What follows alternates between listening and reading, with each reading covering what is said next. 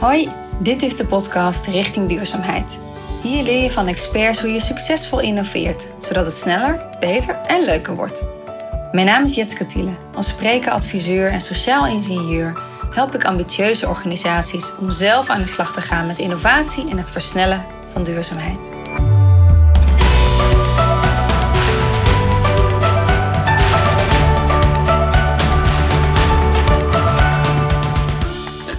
Ja, nou, een liedje waar ik nu wel vaak naar luister is Waiting on the World to Change van John Mayer.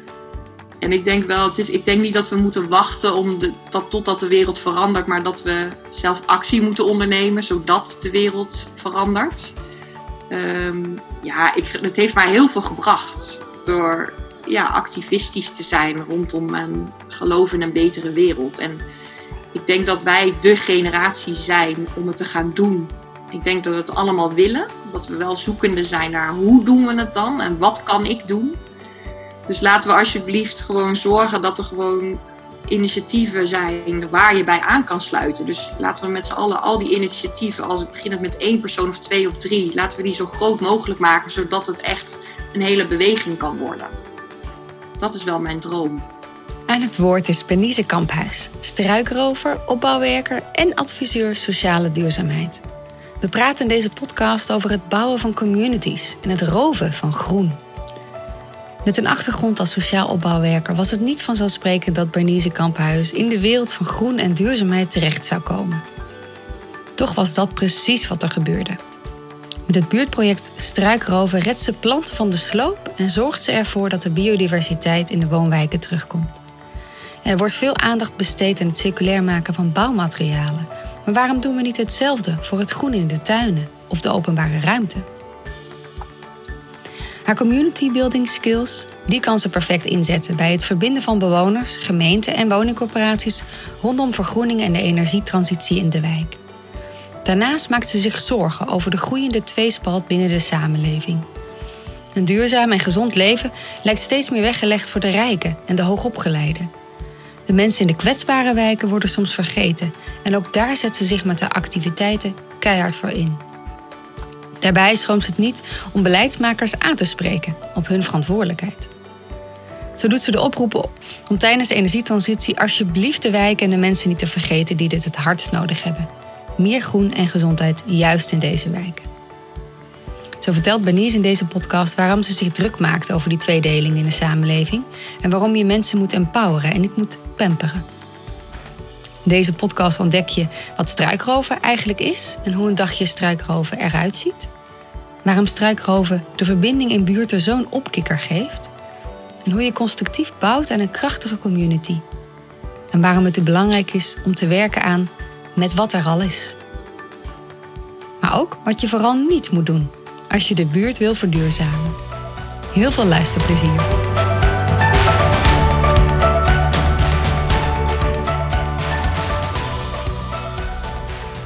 Goedemiddag Benize, wat leuk om je te spreken. Dankjewel. Dankjewel.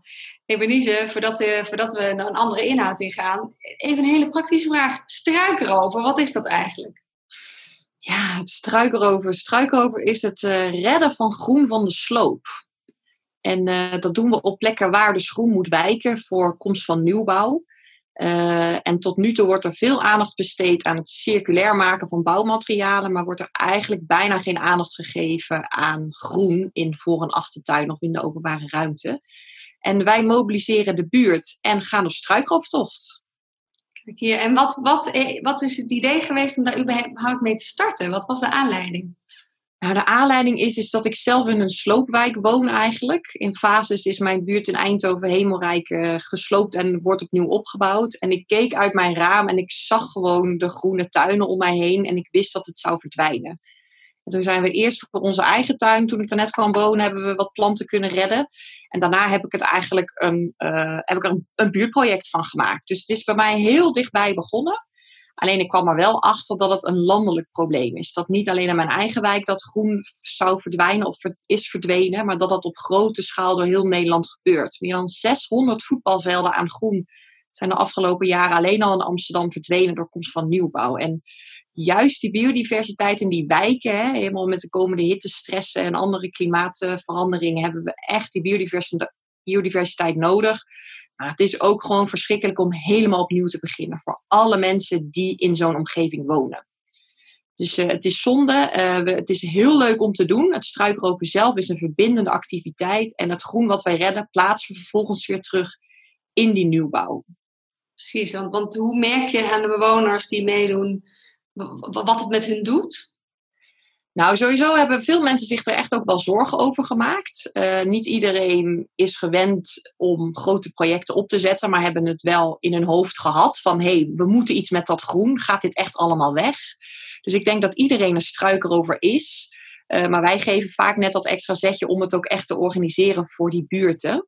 En uh, ja, het voelt supergoed. Mensen worden blij ervan. Van het idee van het redden van groen. Ja, dat geeft een voldoende, voldoenend gevoel. En het is ook vaak gewoon heel gezellig en leuk om lekker uit je hoofd, gewoon met mensen die je nog niet kent, die allemaal in dezelfde buurt wonen, om zo'n positieve actie te ondernemen. Precies. En wat, maakt dat ze dan uh, inderdaad meedoen? Uh, hoe, hoe, zorg je ervoor dat je ze, ze aanspreekt? Nou, de urgentie is natuurlijk duidelijk aanwezig. Er is ook een bepaalde tijdsdruk, hè? want echt die sloopkogel gaat er gewoon overheen. Het wordt letterlijk platgewalst, al het groen, wat zij zo goed kennen, waar zij al zoveel jaren omheen wonen. Dus dat helpt wel, dat er een bepaalde urgentie is. En daarnaast proberen we gewoon ja, door een soort buurtcommunicatiecampagne te starten, gewoon zoveel mogelijk mensen mee te nemen. En ook aan te sluiten bij bestaande groepen die al bezig zijn met groen, of die de woningcorporaties al kennen, of de uh, buurtverenigingen, dat soort zaken eigenlijk. Ja, en je zegt al terecht, nou, we zijn in eerste instantie zelf begonnen in de eigen wijk. En, en maar waar, het, het woordje struikrover, waar is dat uh, vandaan gekomen? Ja, dat was wel echt een geschenk uit de hemel voor mij hoor. Want ik was het al aan het voorbereiden en had eigenlijk nog helemaal geen naam. En toen kwam ik in contact met een uh, inmiddels een vriend van mij, Vincent Wittenberg. En hij is sociaal ontwerper.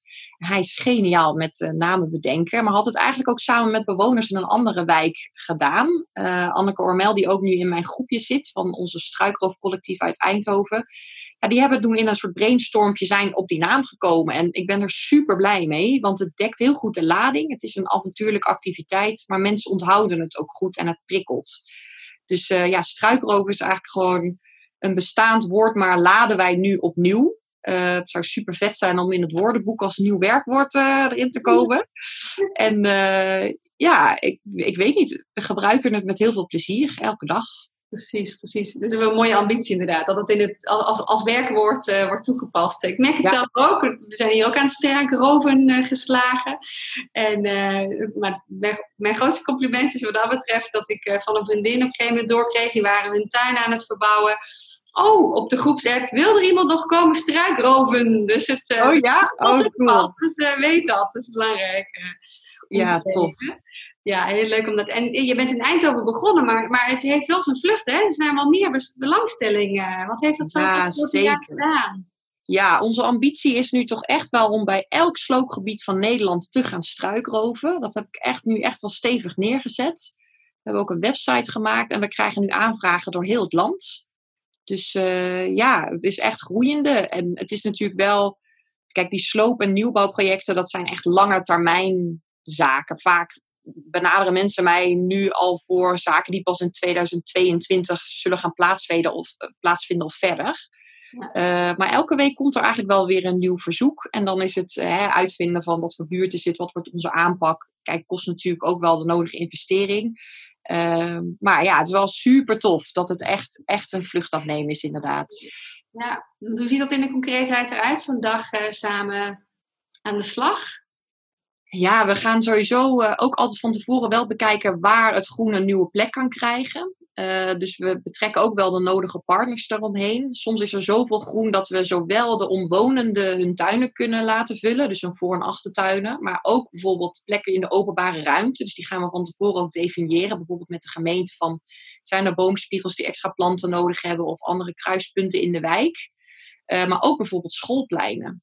Uh, dus dat zijn ook partners met wie ik het oppak. Uh, en daarnaast, ja, we doen dus een campagne om zoveel mogelijk mensen op te roepen. Ook bestuurders vinden het vaak leuk om mee op struikrooftocht te gaan. Dus de wethouders die komen ook met schep aan. Um, en dan gaan we gewoon met zoveel mogelijk mensen zoveel mogelijk groen redden. Dus het is echt speuren naar iets, uitscheppen, eh, op een aanhanger zetten op een andere plek en dan weer terugplanten.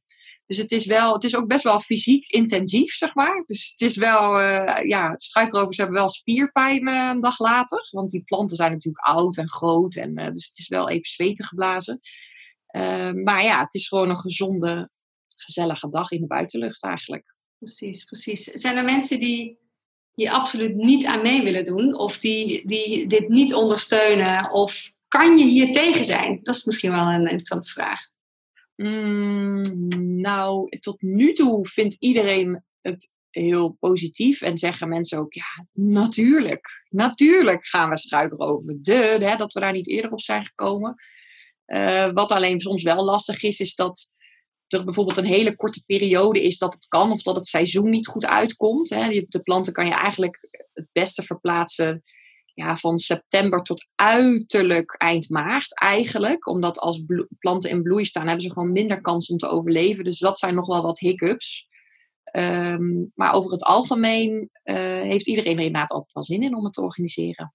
Leuk. Leuk. En het geeft ook weer inzichten in de soorten planten, lijkt mij, in de wijk. Van wat groeit hier eigenlijk en wat, uh, wat past bij onze grond. In plaats van het mooie plaatje uit het tuincentrum uh, te halen.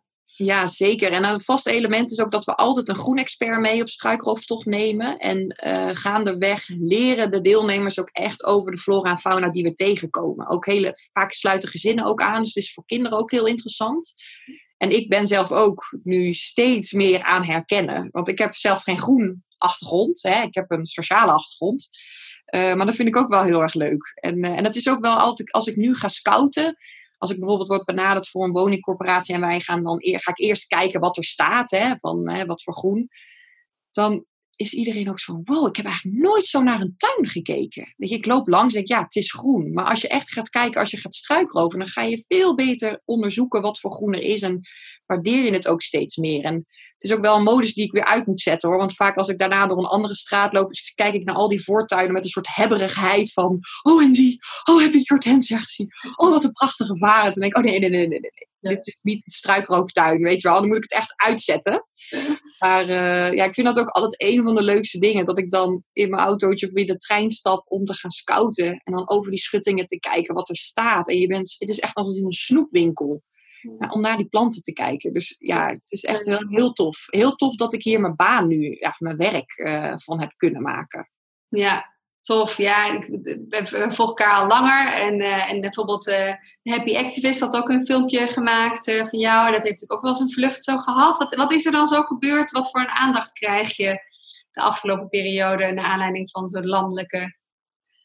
Ja, de Happy Activist heeft heel veel voor ons gedaan.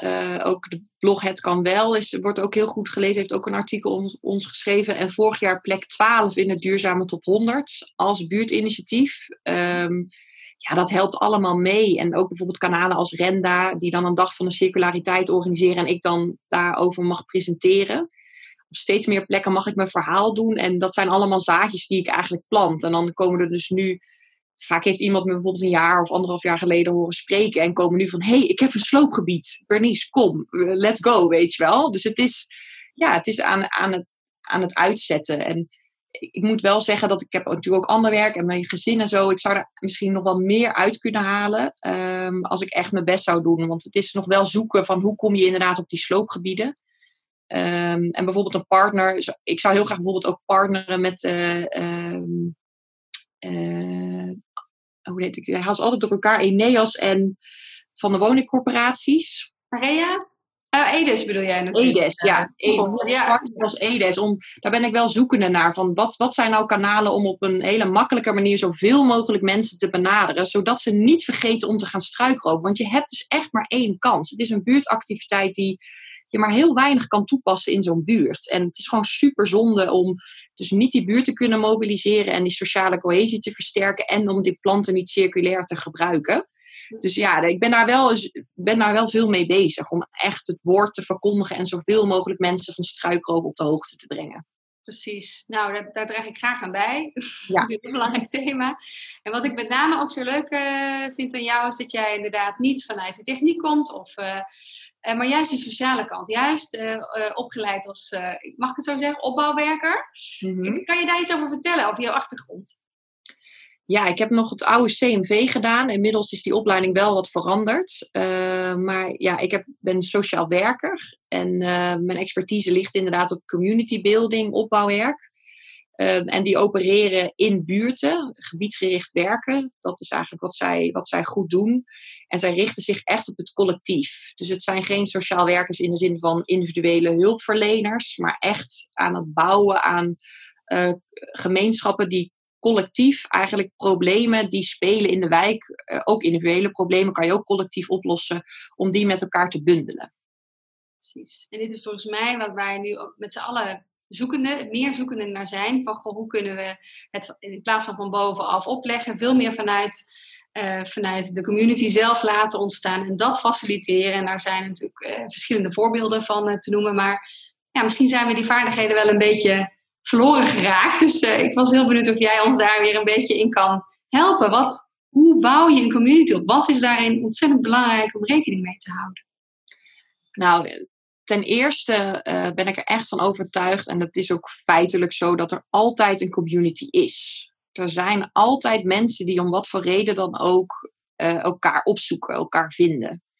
Uh, en ook samenwerken op verschillende niveaus, op verschillende manieren klonteren buren aan elkaar en maken er iets van. Ik woon nu tijdelijk even in een andere buurt omdat we aan het verbouwen zijn. Maar er werd ook bij ons aangebeld of onze kinderen zo'n Halloween-tocht mee wilden lopen. Dus zo wordt die ook steeds groter. Er zijn altijd mensen die ehm, ja, anderen willen betrekken bij waar zij enthousiast van zijn of worden. Um, dus dat is sowieso de basis waaruit een opbouwwerker altijd werkt. Je gaat altijd op zoek naar de bestaande kanalen in die buurten. Dus het is wel heel erg belangrijk dat het, dat, dat het eigenlijk niet zo heel goed werkt om uit, vanuit het systeem. Je hebt dan eigenlijk de leefwereld, is die buurt zelf. Dus de, de inwoners, zeg maar. En de systeemwereld, dat zijn de beleidsmakers of de woningcorporaties die daar een taak hebben in die wijk of in die gemeente. En wat er vaak gebeurt, is dat er wel dat, dat er bijvoorbeeld um, activiteiten worden bedacht en die worden dan eigenlijk gedropt in zo'n wijk. Um, waardoor het eigenlijk veel minder interessant is. Want je, het is veel interessanter om te kijken hoe je bestaande initiatieven kan uh, vergroten, kan ondersteunen, zodat zij zelf meer aanbod creëren, bijvoorbeeld. Of dat ze ook bij hun leest mogen blijven. Dus je werkt altijd met wat er al is ja, in plaats van dus iets nieuws te willen bouwen en iets nieuws te op te starten, uitgaan van wat er is en dat weer te versterken of te vergroten of, of te helpen verder te brengen. Ja, en het is wel belangrijk om echt, ze noemen dat ook wel present zijn. Dus dat je echt zichtbaar bent in die leefwereld. Dat je je daarin kan bevinden. Dat je, je daar, dat je genoeg uren hebt uh, om ook echt in die leefwereld rond te lopen en mensen te spreken. En ook zelf die netwerker te zijn, die verbindingen legt tussen verschillende groepen die elkaar vaak niet eens kennen. Of bewoners met dezelfde interesses die dat niet weten van elkaar, maar tegenover elkaar wonen. Dus je bent eigenlijk uh, ook als opbouwwerker ben je ook een soort bruggenbouwer tussen al die verschillende netwerkjes. Of het maar één of twee personen zijn of grotere. Oh, oh je blijft even hangen. Ah, ik hoor je niet. Nee. Wacht even. Bijna. Ik hoor je nog niet. Je viel even weg. Ja, ik, nou, ik, ik, ik, was je ook even kwijt. Misschien door, de, door het alarm om 12 uur. Zoiets, ja. ja. Precies. Nee, klopt goed. Even een stapje terug. Je zei, je bent eigenlijk verbinder zeg maar, tussen de bewoners en, en, en kijken waar de, waar de overlappen zitten. Ja. Hoe doe je dat heel praktisch? Is dat uh, loop je rond met, met een, heb je concrete vragen die je stelt? Of, of uh, hoe, benader je dan heel open inwoners in zo'n wijk? Ja, je kan verschillende dingen doen. Sowieso probeer ik ook dan weer aan te sluiten bij bestaande kanalen. Dus bij een koffieinloop aan te sluiten, in het buurthuis te zijn die er is. Uh, op zoek te gaan naar uh, creatieve workshopjes die er al zijn. Dus ja, ja, je gaat daarin ook zoveel mogelijk aansluiten. Maar als er bijvoorbeeld helemaal niks is georganiseerd, dan kan je natuurlijk met een koffiekarretje voor de supermarkt gaan staan, bij de lift staan, uh, bij de schoolplein, daar connectie gaan zoeken. Ja, je, bent, je behandelt ook een beetje alsof je daar net komt wonen. Dus hoe ontmoet je nieuwe mensen? Ja, dat gaat vaak organisch en van het ene gaan naar het andere. En ook als je een bepaalde. Um, stel je, even een concreet voorbeeld. Ik had dus een opdracht gekregen om met die energietransitie aan de slag te gaan in een buurt in Den Bosch dan ga ik ook op zoek van wat zijn de mensen die er al mee bezig zijn. Dan weet de gemeente weet wel wat contactpersonen. Dan ga ik van naar die contactpersoon. En dan vraag je weer aan die contactpersoon: ken jij nog meer mensen die daarmee bezig zijn? En dan ga je zo van die naar die naar die naar die. Dan kom je steeds meer mensen tegen. Juist, dus dat je heel bewust ook inderdaad ook weer het, ook het doorvragen en daarmee het, het soort telefoonlijntje in, uh, inrichten op die manier. Uh. Ja, inderdaad. En, maar dat betekent dus wel dat je daar de tijd voor moet hebben. Dus je kan niet snel hup, hup, hup uh, even denken van ik, kan zo die, die, die kaart van die wijk. Als je echt zeg maar een op, als je echt met een thema aan de slag wil gaan in een wijk en je wil echt community building toepassen, heb je wel ademruimte daarvoor nodig. Ja. Kan, je daar, kan je daar iets meer over vertellen? Over hoe, je dat hoe dat in een bos is gegaan en uh, hoe je dat hebt aangepakt? Nou ja, sowieso misschien even een stapje terug ook dat ik nu de afgelopen jaren bezig ben om opbouwwerk heel erg te, te linken aan de energietransitie. Omdat dat natuurlijk de grote opgave is die in elke wijk van Nederland speelt. Uh, het is de grootste verbouwing van Nederland die we tegemoet gaan. Het gaat ons allemaal aan. Of je nou koper of huurder bent.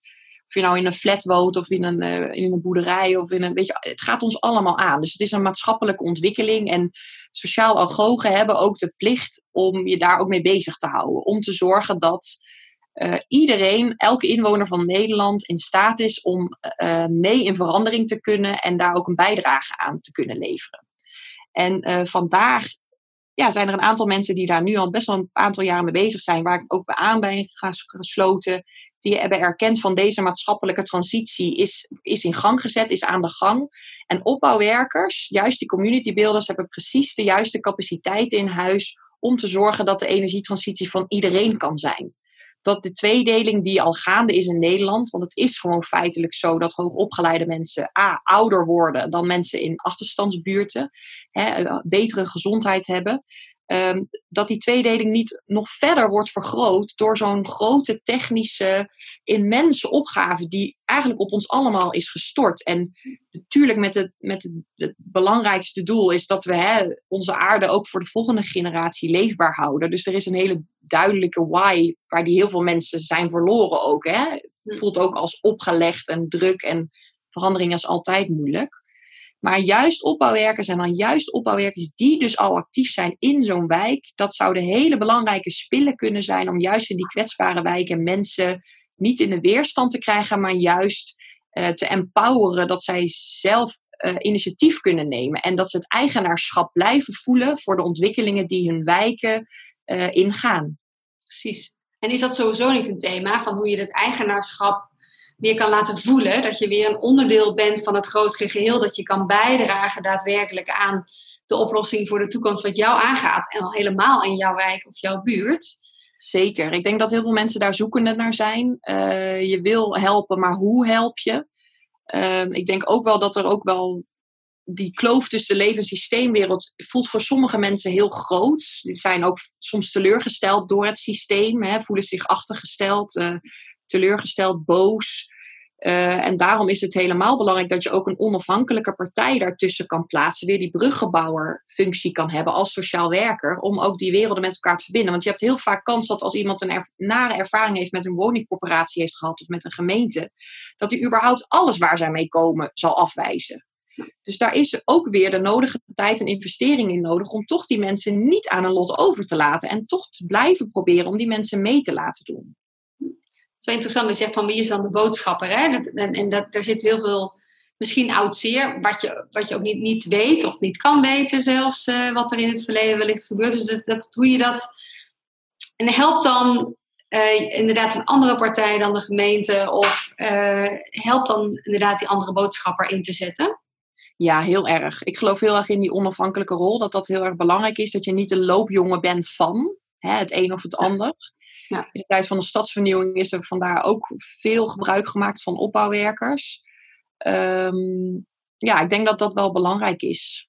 En ik, ja, en ehm, ja, nee, dat is gewoon belangrijk. belangrijk uiteindelijk, ja. En die rol heb jij eh, met verven vervuld uh, op, op, verschillende plekken. Maar ik weet inderdaad dus ook in een, in een bos uh, heel actief. En ik weet dat de bewoners daar ook heel erg enthousiast over jou zijn en over het traject. Um, kan, kan je daar iets over vertellen? Ja, wat wel heel mooi is, is dat ik um, als ZZP'er ook de ruimte heb om voor verschillende partijen mijn opbouwwerk, skills te kunnen uitvoeren, zeg maar. En uh, zo was ik ingehuurd door Buurkracht. En uh, Buurkracht komt, is nu inmiddels een zelfstandige stichting, komt wel uit Nexus voort. Um, en zij hebben van de gemeente Den Bosch, kregen zij de opdracht om aan de slag te gaan in een van de vijf proefbuurten aardgasvrij. Hè. Dat zie je in heel Nederland, dat de, meeste gemeenten zijn echt wel proefwijken aan het aanwijzen. Uh, om te onderzoeken wat de alternatieven zijn op aardgas in zo'n buurt. En aan mij de eer om als procesbegeleider um, nou ja, zo'n zo'n buurt te mobiliseren en uit te nodigen om mee te denken over dit traject. En ik was daarin ook speel en wederom weer bruggen bouwen eigenlijk tussen de, de bewoners en de gemeente. En je merkt ook dat dat heel fijn is om zo'n positie, dat er iemand is in zo'n positie, omdat ook de gemeentes zijn zoekende van hoe benaderen we de bewoners. Ze zijn, er komt zoveel op hun af. Ze hebben zoveel verantwoordelijkheden die ze nog aan het uitzoeken zijn. Maar ook de bewoners hebben ontzettend veel vragen. Um, en hebben ook de tijd nodig om elkaar te leren kennen en elkaar te mobiliseren. Dus, ja, dus door weer zo'n buffertje te creëren van een onafhankelijke partij die, daar, die met allebei veel contact heeft. Uh, en daar ook soms ja, elkaar wat in bescherming kan nemen, zeg maar. Of juist een beetje als boksbal te fungeren ben ik ook. Dus ook goed. Ook, ook onder bewoners is het belangrijk dat als zij struggelingen hebben, richt het maar op mij. Weet je wel, vecht dat met mij uit en niet onderling. Je bent een soort voorzitter, je, ja, een soort bemiddelaar, soms mediation als het niet goed gaat. In, in deze buurt ging het allemaal hartstikke goed hoor. Allemaal helemaal geen oud zeer of strubbels, soms een beetje. Uh, maar ik, merkte dat, het, dat die rol me ook goed paste, juist omdat ik die opbouwwerkervaring heb. Ja. ja, ja, en wat is dan voor jouw gevoel? Want ik heb zelf geen opbouwwerk gedaan. Ik ben, ben wel heel erg van de verbinding maken en, en ook het community bouwen, zeg maar even. Maar we merken wel met z'n allen dat we dat veel meer nodig hebben. Dus wat zijn dan die vaardigheden die jij absoluut zou willen meegeven voor mensen om, um, om dat eigen te maken, om dat, om dat te kunnen doen? Um, nou, ik zeg wel eens, uh, een goede opbouwwerker maakt zichzelf altijd misbaar. Dus je bent altijd bezig om de ander te empoweren om het uiteindelijk zelfstandig te kunnen doen. Ik vind dat wel een hele belangrijke, um, belangrijke instelling. En dat maakt het ook anders dan individuele hulpverleners, zeg maar. Die zijn toch, vinden het vaak zijn wat meer van die afhankelijkheidsrol. Vinden ze moeilijk om daarvan los te komen. En een opbouwwerker is altijd speel en legt verbindingen, maar laat vervolgens wel de mensen aan over wie het gaat, het vervolgens ook zelf doen. Um, maar je, ja, ik denk wel dat een opbouwwerker op die plekken is waar het nodig is. En want het is namelijk feitelijk zo, niet iedereen is heel makkelijk in snel netwerken leggen. Of heeft die connecties in zo'n leefwereld al staan. En dan kost het ontzettend veel tijd en moeite voor zo'n bewoner om uiteindelijk iets voor elkaar te kunnen krijgen. Dan moeten zij eerst door die hele wolk van regeltjes, systemen, adressen, contactpersonen, 0900 of snap je? Dan, is het, dan, dan ben je, ja, je, je zorgt eigenlijk voor versnelling. Dus je bent een netwerker. En ik denk dat heel veel mensen ontzettend veel community capaciteitbouwers in zich hebben, zeg maar. Maar het is belangrijk om te zorgen dat, dat, je, dat ze niet te afhankelijk van je worden. Ja, ja. Kan je ook een voorbeeldje geven wat je zeker niet moet doen? Wat, wat is absoluut een no-go? Mm, nou, dus al de agenda helemaal klaar hebben, het plan helemaal klaar hebben en dat ze eigenlijk alleen maar ja of nee kunnen zeggen. Of überhaupt alleen maar ja. Vaak kunnen ze dan alleen nog maar ja zeggen. Dus dat je, wat heel erg zonde is om niet de, de creativiteit, de expertise, de know-how, de, uh, het gevoel wat zo'n buurt over zichzelf heeft, wat hij allemaal in huis heeft, om dat niet mee te nemen in het vormen van je plan of van je beleidsstukken. Dus zorg echt dat er ruimte is uh, voor de, echte inbreng van de bewoners. Ja. We hadden het vorige gesprek, uh, had ik zelf ook een eye-opener. Ik dacht, ja, wat, wat, is eigenlijk een buurt? wat is, wat is mijn wijk of wat is mijn buurt? Heb je daar ervaringen mee?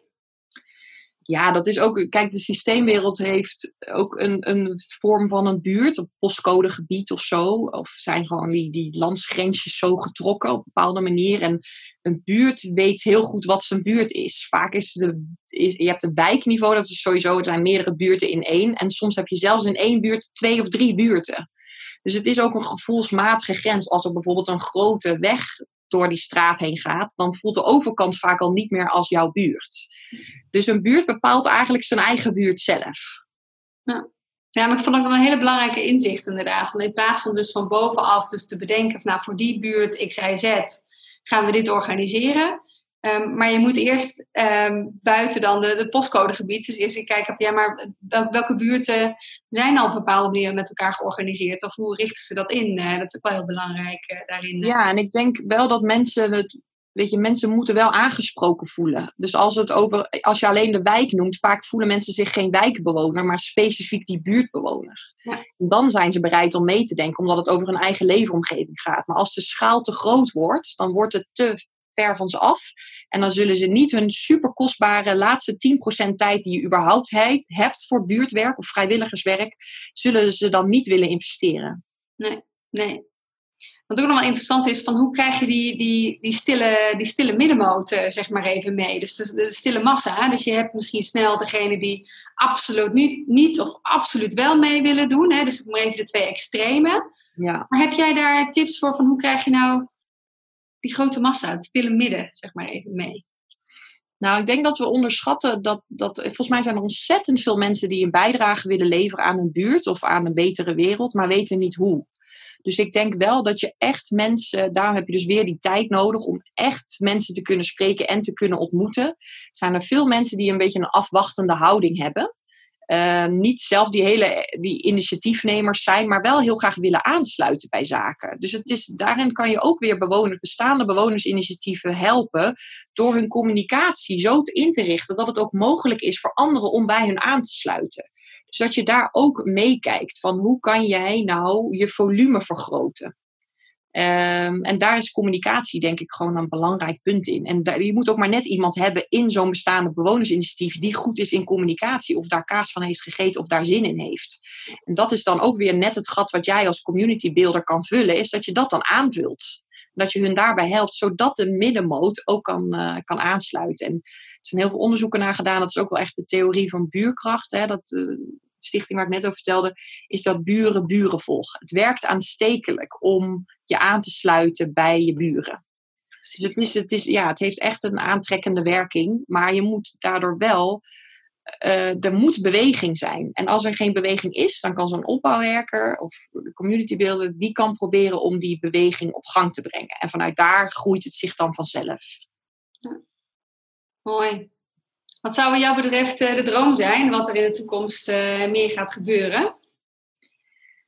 Um, nou, ik vind toch, ik hoop echt dat, uh, dat, dat buurten, um, dat er aandacht komt om bepaalde achterstandswijken of kwetsbare gebieden uh, toch de nodige aandacht en injecties te geven die ze verdienen. Je ziet gewoon dat hoogopgeleide, rijkere wijken groener zijn, op betere plekken gelegen zijn, dichter bij natuur zijn gelegen. Uh, de luchtkwaliteit is beter, de tuinen zijn groener, er is minder hittestress. Ze zullen eerder verduurzamen, want dit zijn de mensen die de subsidies weten te vinden, die zo'n elektrische auto al kunnen betalen. Dus zij voelen zich ook steeds beter. En dat is eigenlijk de kloof waar we toch wel rondom die energiearmoede ook zitten. Het, is, het moet niet zo worden dat, dat een duurzaam leven alleen maar voor de hoogopgeleide rijkere groepen is. Dat dat een privilege is die je, die je alleen maar kan hebben verdiend, zeg maar.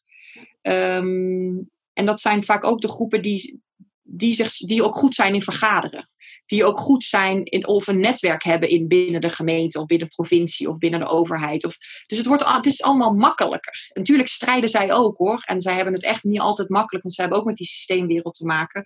Maar je ziet wel dat die, die wijken, ook die eerste proefwijken, die worden nog groener. En dan komen deelauto's en komt werkgelegenheid. En dus weet je, er komt echt zo'n opwaardering van die wijken. En laten we alsjeblieft niet de wijken vergeten waar die welzijnswerkers dus ook allemaal al actief zijn.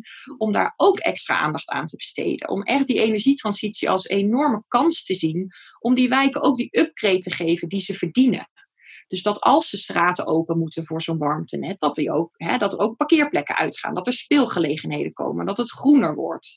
Dat je ook mensen begeleidt in hoe ze hun tuinen groen kunnen maken. Dat je daar coachingsprojectjes opricht voor groene en niet-groene bewoners. En ja, dat er gewoon tijd, genoeg tijd en energie en mankracht beschikbaar wordt om die wijken echt grondig aan te pakken en die upgrade te geven die ze verdienen. Wat maakt dat je hier zo passievol over kan praten? Ja, dat, dat ik, heb dat volgens mij al sinds jongs af aan. Op een of andere manier met die ongelijkheid en in combinatie met de druk op de natuur en de energietransitie, nou niet de energietransitie, maar de klimaatverandering, dat zit bij mij zo diep of zo. Ik voel daar zo'n activistischheid in. En het is ook dat ik het ook zo onrechtvaardig vind dat het zo afhankelijk is in welk gezin je geboren wordt. En natuurlijk zijn wij in Nederland allemaal de geluksvogels van de wereld. Dat weet ik ook. Hè. Nederland, daar zitten we al helemaal in toren van Maslow helemaal bovenaan. En, maar juist daarom vind ik het ongelooflijk dat we dan nog bepaalde wijken zien afglijden. En dat we, die, dat, dat, we, dat we te weinig mankracht en uren beschikbaar stellen om die kinderen in die wijken precies dezelfde kansen te geven als in de villa-wijken of in de hoogopgeleide gebieden. En dat gebeurt namelijk gewoon wel. Weet je? En, en dat ik vind ja, ik vind het, dat het ons allemaal onze plicht is om ons daarvoor in te zetten. En, en helemaal met deze enorme kans die die energietransitie geeft. Precies. Want zie jij ook heel bewust dat deze doelgroep ook uh, extra kansen met zich meebrengt, uh, omdat ze juist veel meer thuis zijn en, en daardoor meer belang hebben bij die groene leefomgeving? Ja, zeker. Uh, Weet je, vaak wonen ze in corporatiewoningen die slecht geïsoleerd zijn, waardoor hun energierekeningen ontzettend hoog zijn, waardoor ze de knoopjes, de eindjes niet aan elkaar kunnen knopen. Die hebben gewoon ontzettend, dat geeft ontzettend veel stress. Uh, vaak zie je ook dat er bijvoorbeeld veel ongezonde zaken om hem heen zijn. Veel uh, geluidsoverlast, herrie geeft ook weer stress, heeft ook invloed op je gezondheid. Um, ik denk dat, ze enorme, dat we enorme winsten kunnen behalen om juist die wijken uh, die upgrade te geven. En dat dat, kijk, nu hoog of laag opgeleide scheelt gewoon sowieso zes jaar leven, maar ook 15 jaar in een gezonde, uh, uh, in gezondheid kunnen leven. 15 jaar van iemands leven. Wat dat verschil maakt, vind ik echt enorm. Ja. Dus het is wel wezenlijk aan de hand. En het is ook wezenlijk bewezen dat een groene en duurzame omgeving uh, voordelen heeft. Dat een geïsoleerd huis natuurlijk enorm in maandlasten scheelt. Dat dat net uit die schuldsanering, het verschil in schuldsanering kan zijn. Dat het ook te maken heeft met die schimmels of met. Nou ja, met, er, zijn gewoon, er is gewoon bewijs dat dat dus echt daadwerkelijk op dat gezondheidsniveau verschil kan uitmaken. Mooi dat je, die, dat je heel bewust dat, de link ook leggen naar, naar gezondheid. En uh, zeker in deze periode waar we met z'n allen misschien nog wel bewuster van zijn. Ja. En dat juist dat naar buiten, juist die groen, dat groen aspect, dan komen we toch weer met het cirkeltje naar het uh, struikroven, dat dat uh, ook een aanleiding kan zijn om met elkaar samen iets op te bouwen als je het gesprek ondertussen aan wil gaan rondom die energietransitie. Zie ja. je daar ook, um, ja, hoe, hoe, hoe zie jij die linken met elkaar? Ja, ik zie daar een enorme link. Ik vind ook klimaatadaptatie vind ik echt bij de energietransitie horen, want dat heeft er gewoon echt mee te maken. En we zien inderdaad, juist door bijvoorbeeld zo'n groene activiteit als struikroven, dat is heel vaak een begin van meer. Mensen die iets voor dat groen voelen of mensen willen ontmoeten, die, eh, die komen samen en vaak willen ze daarna ook meer met groen in mijn eigen wijk is daar de groencommissie uit ontstaan. En we zijn nu bezig met gevels vergroenen. We zijn bezig met de straten open te breken en meer groene te maken. We organiseren leuke groenmarkten, bezig met de boomspiegels in onze, in onze buurt. En dat is allemaal begonnen met struikroven.